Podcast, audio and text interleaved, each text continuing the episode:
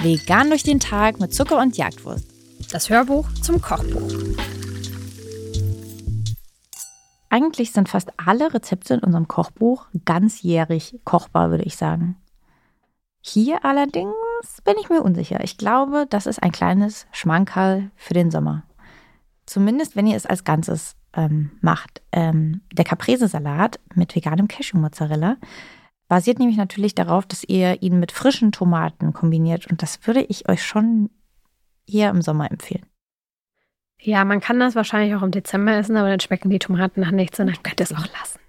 Korrekt. Aber dann könnt ihr immer noch den veganen Cashew-Mozzarella machen. Und mhm. sind wir ehrlich, der ist hier wahrscheinlich eh das, was euch am meisten interessiert und weshalb ihr jetzt hier gerade unser Hörbuch anhört.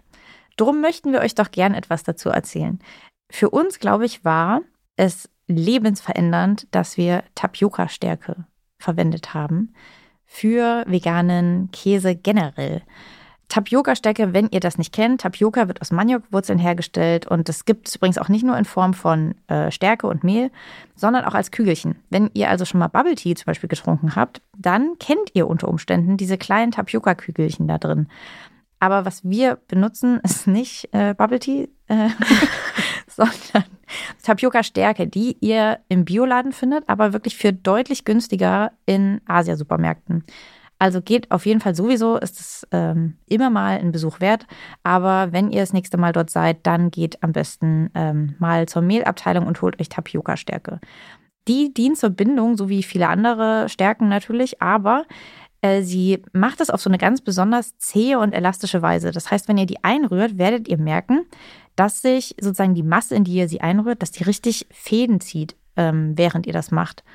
Und das hat natürlich für uns die Welt ähm, von veganen Mozzarella-Sticks und so weiter komplett überhaupt erstmal eröffnet. Weil ich finde, das war schon immer so ein bisschen traurig, da so eine Masse zu haben, die fast schon stichfest ist. Hm. Das hat nicht den Vibe rübergebracht. Das heißt, wenn man einmal, finde ich, diese Art der Zubereitung für veganen Mozzarella hat, kann man da ganz, ganz viele andere Sachen auch noch mitmachen. Dann könnt ihr das sozusagen als Basis nehmen. Und ich finde wirklich, dass vegane Mozzarella bisher gekauft dolle abschmiert. Naja, ich finde, das wurde auf jeden Fall besser. Vor ein paar Jahren waren die Alternativen wirklich nicht so gut. Ähm, aber ja, ich finde, es gibt inzwischen schon so ein, zwei Sorten, aber man muss wissen, in welchen Supermarkt man geht, welche Marke man nimmt. Also ich finde, man kann da nicht so wie bei zum Beispiel Frischkäse einfach ins Regal greifen und es schmeckt alles schon mal irgendwie nach irgendwas.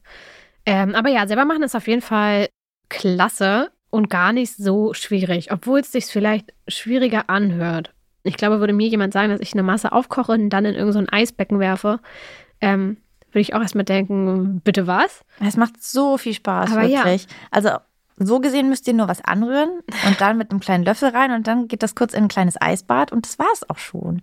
Ihr könnt aber praktischerweise danach auch den Mozzarella wirklich auch in einer Lake, wenn ihr möchtet, ein paar Tage im Kühlschrank lagern. Das heißt, ihr müsst den nicht sofort aufbrauchen.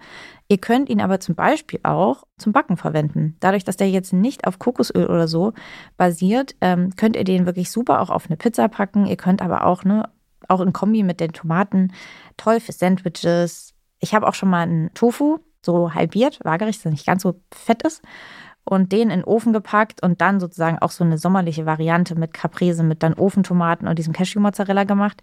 Es war auch sehr lecker. Ihr könntet das als Nudelsalat verpacken, wenn ihr noch Nudeln mit dazu legt. Ihr könntet das auf Blätterteig packen und überbacken. Also der Salat ist erst der Anfang. Und wenn ihr keine Tomaten mögt, was es ja auch, was auch sein kann, es soll ja Menschen geben, auch die keine frischen Tomaten essen. Termintolerant sind.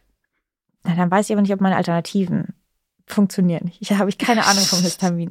Aber ich habe diesen Salat, ähm, also gerade diesen Mozzarella mit dem Basilikum auch schon oft mit Pfirsich oder Nektarin im Sommer gegessen. Und auch das ist wahnsinnig lecker. Also, es gibt viele Möglichkeiten, aber probiert es unbedingt mal aus. Das ist ein tolles, finde ich, Projekt. Kleines Projekt. Egal, ob ihr schon vegan seid, nicht vegan seid, so einen eigenen kleinen Cashew-Mozzarella zu machen. Ist bestimmt auch super für Freundinnen als Geschenk. So ein kleines Glas damit. Würde ich mich ja freuen. Das als Shoutout an meine Freunde und Freundinnen, wenn ich mal wieder Geburtstag habe. Das ist vielleicht mein Geschenk. Ja, deswegen macht den mal. Also Tapioca-Stärke, wie gesagt, Asiamarkt. Und dann treffen wir uns wieder am Herd.